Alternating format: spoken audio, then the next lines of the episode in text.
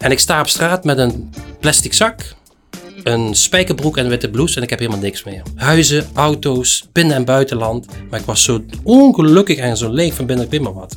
En toen ontdekte ik dat wij zo per dag, moet je niet schrikken, tussen de 800 en 8000 keuzes per dag maken. Ik laat jou zien hoe jouw brein aan de hand van twee systemen, de architect is, maar ook de uitvoerder, de aannemer die het huis ook bouwt. Als ik dit eerder had geweten, had ik wat meer risico en wat meer avontuur in mijn leven gegeven. Welkom bij Levenswerk, een podcast met inspirerende verhalen voor en door de arbeidsmarkt. Vandaag ga ik het gesprek aan met Hein Heijen, neuromarketing-expert en beïnvloedingspsycholoog, over het stimuleren van het brein en beïnvloeden van keuzegedrag. Hein, welkom en leuk dat je er bent. Ja, dankjewel. En wat een unieke locatie. Bijzonder hè? Fantastisch hè? Ja, ja, ja. Ja. ja, ja, ja. Ik ga meteen beginnen met een persoonlijke vraag. Wat wil jij vroeger worden? Ja, voetballer. Ik kon maar één ding, was voetballen. En dat is een hele mooie vraag die je stelt, want ik ben in Geleen geboren, helemaal in het zuiden. En daar had je Fortuna. En Fortuna was toen een, eh, ja, was een hele goede ploeg. En ik eh, begon daar als keeper. En dat was eigenlijk mijn lust in mijn leven, ballen vangen. En nu hè, als ik nu nog groen gras ruik, word ik weer getriggerd naar mijn verleden. Voetballen en keeper van ballen vangen. Prachtig, prachtig. En wanneer kwam dat naar voren dat het eh, dat uiteindelijk niet ging worden? Ja, dat is, heeft eigenlijk met mijn, met mijn opvoeding te maken. En daar wil ik- kom ik dadelijk ook nog op terug. Dat heeft met mijn vader te maken. Een fantastische man. Hij was eh, econoom, kon heel goed leren. En m- mij interesseerde leren helemaal niks. Ik heb in die zes jaar lagere school bijvoorbeeld nog nooit eh, naar bord gekeken. Alleen maar naar buiten van wanneer kon ik gaan voetballen. En op een gegeven moment kon dat niet doorgaan, die carrière van voetballer. Ik weet niet meer precies waardoor. En mijn vader zei, ja, je moet gaan studeren, je moet gaan studeren. Want als je gestudeerd hebt, dan ben je pas iemand en dan kun je wat. En ik had er zo'n hekel aan, maar ben het toch gaan doen. Ja, ja, ja. Want wanneer is, wanneer is toen de knik gekomen, zeg maar, van oké, de lagere school, bijna niet naar het bord kijken, vooral bezig geweest met wat er omheen allemaal gebeurde? Ja, Maar- toen, ik- ja, ja, toen ik een jaar of 18 was, als je een leeftijd Ja. 18, 19 jaar. Toen dacht ik, oeps, ik moet nog wel wat gaan doen Ja, ja. eh, om een toekomst te bouwen. en waar is dat, eh, met welke studie is het toen eh, begonnen? Ik heb twee jaar economie en toen eh, daarboven moest je kiezen, hè, dat is allemaal lang geleden. Eh, eerst kreeg je twee jaar algemene economie en toen kon je kiezen voor bedrijfseconomie of bedrijfskunde. En toen kwam net bedrijfskunde op, dus ik heb die kant gekozen.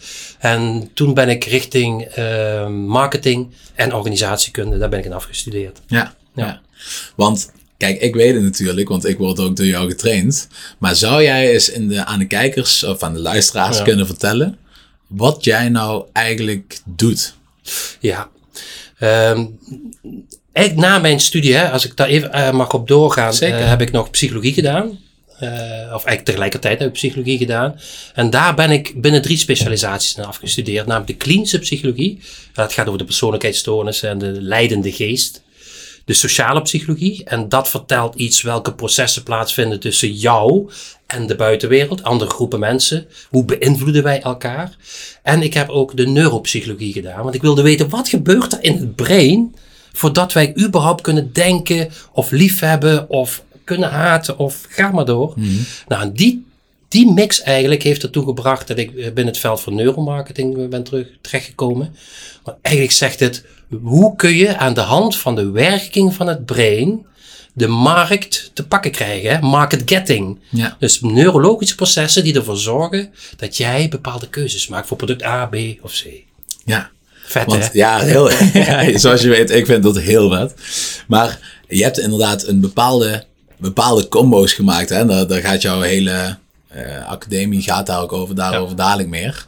Maar tussen bedrijfskunde, economische processen, psychologische processen. En vanuit daar heb jij dat met elkaar gecombineerd en heb jij bepaalde stappen gemaakt richting wat je nu doet, de Academie voor Gedragskennis, en met, bedrijven, professionals aan de slag eh, eh, Ja. te gaan. Ja. En, en weet je hoe dat komt? Ik ben nog steeds hè, verbaasd. Hè? En, en als luisteraars dit ook gaan horen, moeten ze even heel goed over nadenken. Hoe is het mogelijk dat in 2002 een psycholoog de Nobelprijs krijgt voor de economie? Nou jij. Ja, Even, even over nadenken. En toen ik dat hoorde, toen werd ik op een gegeven moment ook weer bewust van mijn studie bedrijfskunde en psychologie. En ik denk, hé, hey, wacht eens even. Als je economie studeert bijvoorbeeld, dan vind je het woord levensgeluk of liefde en plezier helemaal niet terug. Economie is een studie van harde cijfers, maar wij mensen willen ook emotioneel rendement uit ons leven halen. We willen gelukkig zijn. We willen keuzes maken die ons brengen naar mensen en bedrijven die ja, zeggen van ja, hier wil ik zijn, hier voel ik me thuis. Mhm. En dat is bijzonder dat de economie zich daar niet mee bezighoudt. Dus die mix tussen economie en psychologie is peper en zout van het gerecht leven. Ja. Dus laten we Ja. die twee kruiden ook gebruiken om een zo, ja, zo, zo mooi mogelijk leven te, te leiden. Ja. Met, met, met korte ei dan. Hè? Ja, ja, ja, precies. en dan weet ik dat jij ook een, eh, hè, qua persoonlijke ontwikkeling, buiten jouw studies, heb jij natuurlijk ook iets meegemaakt wat pakkend is voor wat jou een life-changing event was. Ja, dat is helemaal waar. Zou je daar iets over willen vertellen? Ja, heel graag. Want dat was voor mij ook de, de clash tussen economie en psychologie. Ja. En het is 2015, namelijk ook nog 19 april 2015, twee dagen voor mijn 53ste verjaardag. En ik sta op straat. En ik sta op straat met een plastic zak, een spijkerbroek en een witte blouse en ik heb helemaal niks meer. Voor die tijd had ik echt een, een leven als God in Frankrijk. Ik had een opleidingsinstituut in communicatie en psychologie. 3.500 studenten. eh, een prachtig leven. Maar ik werd op een gegeven moment geconfronteerd met een innerlijke leegte. En ik ontdekte dat de relatie die ik had, de bezittingen die ik had, die gaven mij geen levensvreugde. Dat was een harde clash. En ik was natuurlijk weer opgevoed en even terug weer naar mijn vader. Economisch denken, studies, succesvol zijn. Dat had ik. Huizen, auto's, binnen- en buitenland. Maar ik was zo ongelukkig en zo leeg van binnen, ik weet maar wat. Toen werd ik geconfronteerd met de psychologie. Toen ben ik dus eh, weggegaan, met alles achter me gelaten. En ben opnieuw begonnen met een plastic zak en een spijkerbroek en ja. een witte blouse. Ja. Heb een half jaar de tijd genomen om mezelf eens te gaan bekijken van binnen. Wat wil ik nou? Hoe wil ik leven? Met wie wil ik leven? En toen ontdekte ik dat wij zo per dag, hè, moet je niet schrikken, tussen de 800 en 8000 keuzes per dag maken. En nergens in die studie economie, als in de studie psychologie, heb ik geleerd hoe je keuzes maakt. Nou jij. Ja. En je maakt er 800 tot 8000 per dag. ja. Per dag. En het komt er in allebei de studies niet voorbij. Nee, Nee. bizar is dat hè? Ja, dat is Ja, enorm toen ben ik daarin gedoken. En eh, Ja. nu wil ik het weten. Hoe, waar, wanneer spelen die processen? Ja. En dat, wil ik, daar heb ik ook een boek over geschreven. Hè? Alles wat je moet weten over beïnvloeden. Daar staat het hele traject in. En ik denk, en het gaat niet om dat ik het nu doe, maar iedereen zou dit moeten weten. Ja. Ja. Want de mens is een keuzemachine. Ja. Ja, en dat is hè, vanuit dat persoonlijke verhaal ben jij dus je studies Ja. met elkaar gaan combineren Juist. en de methodieken waar je in gelooft, heb jij achter elkaar gezet, door elkaar heen gegooid in één grote pan geroerd. Ja, precies. En kun je iets meer vertellen over dat proces? Hoe dat is, ja, hoe dat Ja, vorm heeft ge- Dat, dat zeg gekregen? je heel goed. Ik heb dus eh, eh, eigenlijk dat half jaar gebruikt om naar me- mezelf naar binnen te gaan. Te gaan kijken wat heeft er allemaal plaatsgevonden waardoor ik de keuzes heb gemaakt. En ben uitgekomen op, eh, ja, op ja, 2015 op 19 april met die plastic zak. En toen ben ik gaan kijken welke bouwstenen heeft de psyche. Er staat nergens geschreven hoe een bouwsteen, welke bouwstenen de psyche beha- behapt. Dus als ik terug ga naar de lessen biologie bijvoorbeeld, hè, dat kunnen we ons allemaal nog herinneren. Daar zie je dus de bouwstenen, die weet je. Hè, er is een skelet en er zijn cellen bij elkaar als weefsel, maakt het organen, orgaanstelsel, organismen. Nou, de meeste mensen weten dat. Maar als ik naar buiten ga en ik vraag de gemiddelde mens, met alle respect, wat zijn de equivalente bouwstenen van jouw geest? Dan wordt het stil. En dat heb ik proberen in kaart te brengen. En die heb ik ontdekt, die elf. Dat zijn elf bouwstenen die in jou plaatsvinden op het moment dat je keuzes aan het maken bent. Lopen die bouwstenen als domino-steentjes door jouw brein. En daar kun je dus, op het moment dat je dat weet, welke dat zijn en hoe die lopen, kun je die dus beïnvloeden. Ja, dat is vet, jongen. Heel mooi, heel Ja. mooi. Kun jij een voorbeeld geven, ook wat je ons hebt geleerd in een van de eerste lessen met bepaalde marketingaspecten die grote partijen, zoals een biermerk of zoals een tv-merk, Ja, ja, eh, wat, wat zij daar eh, voor keuze maken en hoe, dat, hoe ze daar op een korte manier al inspelen op het eerste aanblik van de persoon in kwestie. Nou, jij zegt het woord bier, dus dat is dan het eerste waar wij hier blijven hangen. Dan blijft meteen pakken. De- Dat is Heineken en ik blijf hem ook altijd eh, eren, die man. Ik heb hem natuurlijk privé nooit gekend, maar als marketeer het is, denk ik, is hij de grootste marketeer ever. Hij kreeg het voor elkaar om eh, te beseffen dat het product ondergeschikt is aan marketing. Want alle respect, hè. Ik vraag ook vaak aan mensen waar ik een lezing voor geef, wie vindt Heineken eigenlijk lekker? Nou, Christen, weinig mensen steken de hand op. Hoe hebben ze het dan voor elkaar gekregen om een wereldwijd product neer te zetten? Nou, dat heeft te maken met drie dingen. Dat heeft te maken met neuromarketing. Hij was de allereerste in de jaren 60 die naar Amerika ging voor de kleurenleer. Als je het oude logo, de luisteraars mogen het nu googlen, het oude logo van Heineken kent een hele andere kleurensetting. Dus hij gaat naar Amerika, hij gaat naar de kleurenleer daar, komt terug naar Nederland. En dan wij nuchtere Hollanders zeggen, ha, ha, ha, kleuren. Maar hij veranderde de achtergrond van Heineken in een groene kleur. Zie je het voor je? Een groene achtergrond van Heineken. Nou ja, groen, waar associeer je dat mee? Ja, met, eh, ja, ik kijk er hier nou recht tegenaan en dat is natuur. Natuur. Ja, ja. ja. Groen staat voor de natuur. Maar nu deed hij nog iets. Hij koppelde daar een bepaalde framing aan. Hè? Dat is een techniek uit neuromarketing. Een framing is een zin die matcht met bijvoorbeeld kleur. Dus wat deed hij? Groene kleur, hè? je zegt het al, associatie natuur. En dan de zin heerlijk, helder, Heineken. Helder bronwater. Zuiver uit de natuur gehaald en daarmee gebrouwen.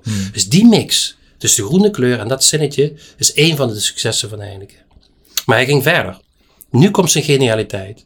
Hij was de eerste marketeer die ook besefte dat je geen product koopt, ook geen dienst of een persoon, maar één van de honderd, ik noem die dan WMZ-woorden, jij weet welke dat zijn. Waarde, motivaties, ingevers worden. Ja. Hey. Heel goed. Ja, precies. Weet je nog wat hij zei? Ik verkoop geen pils, maar... Ehm, eh, vriend, vriend, nee, nee, nee, nee, dat is een andere, dat is een andere. Zit in de buurt. Ik verkoop gezelligheid. Gezelligheid, Ja. ja. Ah ja, ja. Dus hij, hij snapte heel goed dat wij mensen die waarde, motivatie, zingevingswoorden zoeken in een product, een dienst en een persoon. Hmm. Dus gezelligheid is natuurlijk geassocieerd met de kroeg en, en eh, mensen, et cetera. Heb je een relatie? ja. Ja. Waarom heb je een relatie? Omdat ik, eh, omdat ik heel veel van mijzelf terugzie in mijn relatie. En dat ik daar juist heel erg mee kan matchen, maar ook lekker mee kan botsen. En dat dat voor mij part Ja. goed in balans is. Ja, ook misschien eigenlijk voor de luisteraars om eens even na te denken. Waarom heb je een relatie? Nou, laat ik het invullen, want ik mag het, hè. Ik weet waarom mensen een relatie hebben. Het gaat ook om die WMZ-woorden. Namelijk, de relatie moet je opleveren gezelligheid, intimiteit, nabijheid, vrijheid, seksualiteit en ga zo maar door. En wat valt je dan op als je die woorden achter elkaar hoort, Chris? Ja, dat het allemaal waarde, motivaties, Ja. worden. zijn. En ze eindigen allemaal op Heid en tijd. Daar doe je het voor. Dus hij wist precies de kleuren te associëren met een goede slogan. Groene kleur, helder, he- heerlijk helder Heineken. Hij wist te beseffen dat mensen geen bier kopen, maar gingen voor de gezelligheid. En de derde element, dat is heel slim. Nu komt echt de neuromarketing. Ik weet niet of je het weet, maar het is smiley E. In de E van Heineken zit een gekantelde E, die als je daar naar kijkt, en ik heb je onder een fMRI-scan staan, komt er dopamine vrij in jouw brein. Happy hormone, word je heel blij van. Zoals nu ga je wel lachen. Ja. En dat is bizar. Dus Ja. als je kijkt naar een letter, dat er dan een gelukshormoontje in jouw hersenen vrijkomt, waardoor je een positieve associatie met Heineken krijgt. Ja. Ja, dat is toch fantastisch. Ze hebben het een keertje in een, in een reclame, hebben ze het precies zo, deze reis die jij nou net beschrijft, wat het brein ziet, hebben ze ook terug laten komen. Hè? Dat je het, het geluidje hoort. tss. En je ziet, je ziet de smiley tegelijkertijd draaien van normale smiley naar kantelde, gekantelde smiley. Ah. En je hoort het gewoon, het kloeken hoor je gewoon. Oh, ik, ik krijg niet heel Ja. water in mijn mond. Nou, dat was een podcast voor vandaag. nee, maar ja, ik zie, ik zie het helemaal, ik zie het helemaal voor me. Dat is heel erg mooi. Ja. Ja. nou ik vind, vind het ook mooi dat je het woord zie. Hè? Je ziet het voor je. Eh, als we het dan over, over neuromarketing hebben dan, en je kijkt, je kijkt naar het brein, dan is, eh, dat noemen ze dan het occipitale kwab. Hè? Dat is de achterste kant van jouw brein. Het is volledig gewijd aan het zien. Het is ook het oudste gedeelte. Dus ehm, als de marketing het voor elkaar krijgt bij jouw beelden op te roepen, hij spreekt tot de verbeelding, dan zie je al, dan krijg je al honger en dan krijg je al dorst. Want je ziet dat lekkere, koel, getapte biertje voor je. Je ruikt al en gaat zo maar Ja, door. En, ja, en de lust is opgewekt. Ja. en daar komt het natuurlijk allemaal op neer. Kun je, heel, allemaal op neer. kun ja. je heel groot maken eh, en heel klein maken. Als eigenlijk zo'n zo'n concept van een biermerk. Dat is eigenlijk heel klein in je leven natuurlijk. Maar het, het heeft zijn weerslag op het, op het grotere geheel. Over hoe we dingen zien, ervaren. Precies. En hoe we zelfs ons gedrag daarop gaan aanpassen. Kijk, goede, goede marketing zorgt ervoor dat het product on top of mind komt. En dat is het tweede voorbeeld, dat is de Sony Bravia, die in 2005 met een nieuwe televisie komt. Hadden drie spotjes gedraaid. Eén van die spotjes, en de luisteraars denk ik weten zeker dat nog te herinneren, het beeld komt nu op, op als ik erover vertel, dat door de straten van San Francisco duizenden, ik meen 750.000, balletjes stuiterend naar beneden denderen. En het mooie daarvan is, nadat zij dit reclamespotje hebben getoond op de televisie, naast drie andere, maar dit spotje zorgde ervoor dat plotsklaps 21 miljoen televisies werden verkocht. Nou jij. Iedereen dacht van, ja, dat is gewoon door uh, de taal filmpje. Maar niemand wist waardoor het nou werkelijk was. Ze hadden mensen geïnterviewd en iedereen had een idee. Dat komt door de balletjes of dat komt door een hondje wat er staat of een jongetje. Maar niemand had gezien waardoor. Vijf jaar later ontdekken ze het. En het is lucky shot. En als je het filmpje eens gaat kijken, en dan kom ik er later op terug, luisteraars, ga echt eens kijken. Probeer eens te achterhalen welke shot er nou voor heeft gezorgd dat Sony 21 miljoen televisies verkocht. En dan kun je misschien een volgende... Kan het, eh, kan het eh, ergens in de comments gezet worden? Hoe werkt het? Ja? ja? Ja. Nou, zet het vooral in de comments als jij weet wat, eh, wat, wat hier gebeurt. Waarom 21 miljoen tv's door dit spotje eh, verkocht zijn. Ja. Hein, wat ga je hier vanmiddag eh, vertellen? Want er is natuurlijk een breinbreker-event. En eh, allebei de andere sprekers van deze podcast, die hebben daar iets mee te maken. Eh, we hebben natuurlijk Niels Houtenpen, die ook een spreker is geweest. En Jan van Hals, die pretendeert dat hij jullie geconnect heeft met elkaar. Ja. Nou, ik ben wel benieuwd heel kort naar dat verhaal. En ik ben ook benieuwd hoe jullie hier vanmiddag staan. Ja, het is een hele mooie vraag. Het, het, gaat om twee dingen, heel belangrijk. Het gaat om dromen en doelen stellen. En eerst moet je goed realiseren, het begint ook bij dromen. De, de archi- je, het brein is jouw architect. Je begint te bedenken, hoe wil ik leven? Eh, met wie wil ik leven? Waar wil ik leven? Wil ik trouwen? Wil ik kinderen? Dat is de architect. Dat is jouw brein die de toekomst al langzaam gaat vormen.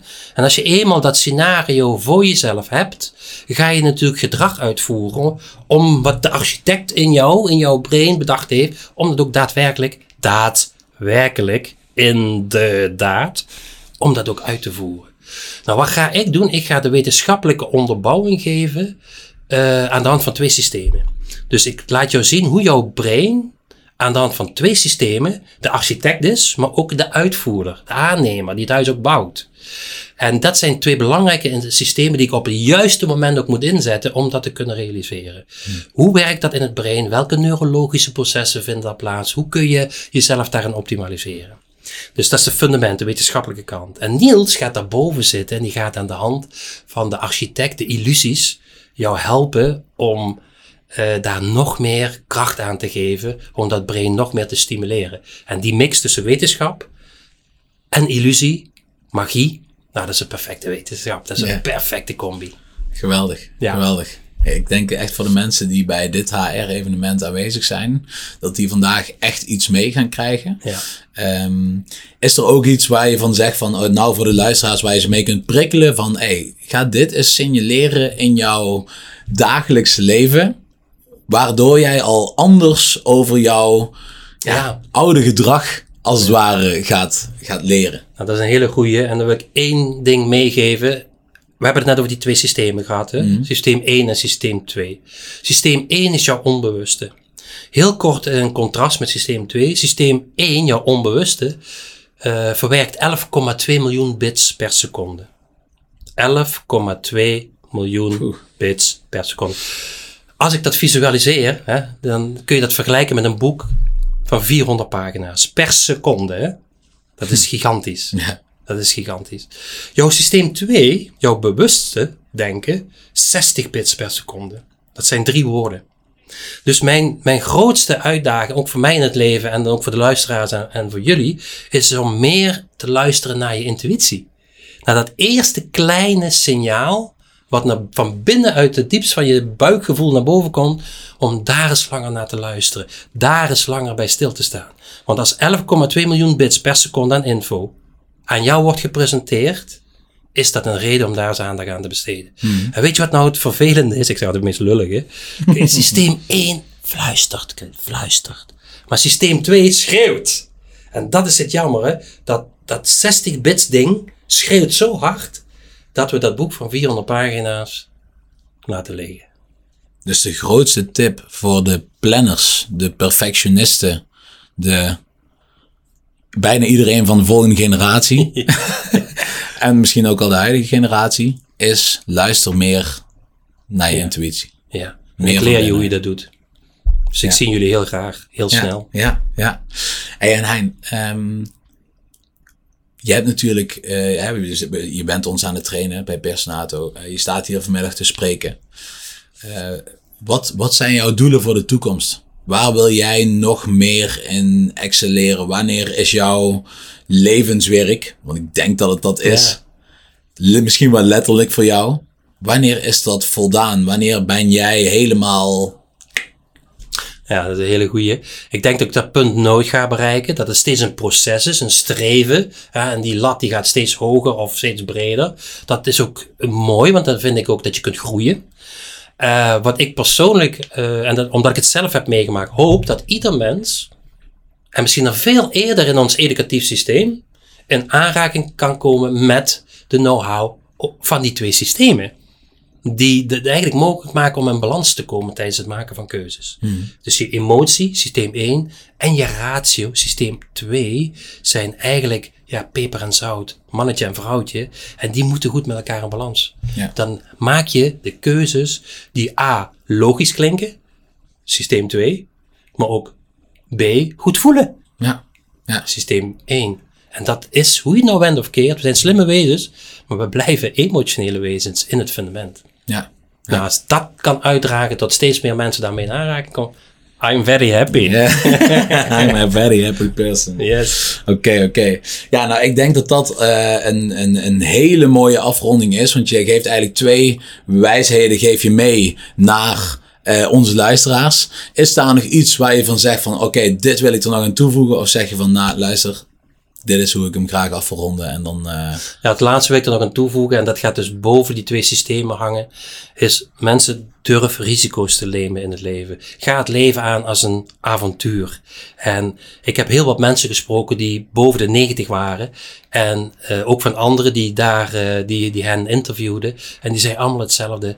Als ik dit eerder had geweten, had ik wat meer risico en wat meer avontuur in mijn leven gegeven. En dat wil ik ook meegeven. Durf te leven. Prachtig. Dan gaan we hem daarmee stoppen. En dan wil ik je super bedanken voor deze aflevering van Levenswerk. En dat we een tipje, tipje van de sluier hebben mogen leren kennen van, eh, van jouw leven. En eh, hartstikke bedankt. Ja, jij ook bedankt. Wat een fijne sfeer hebben we hier.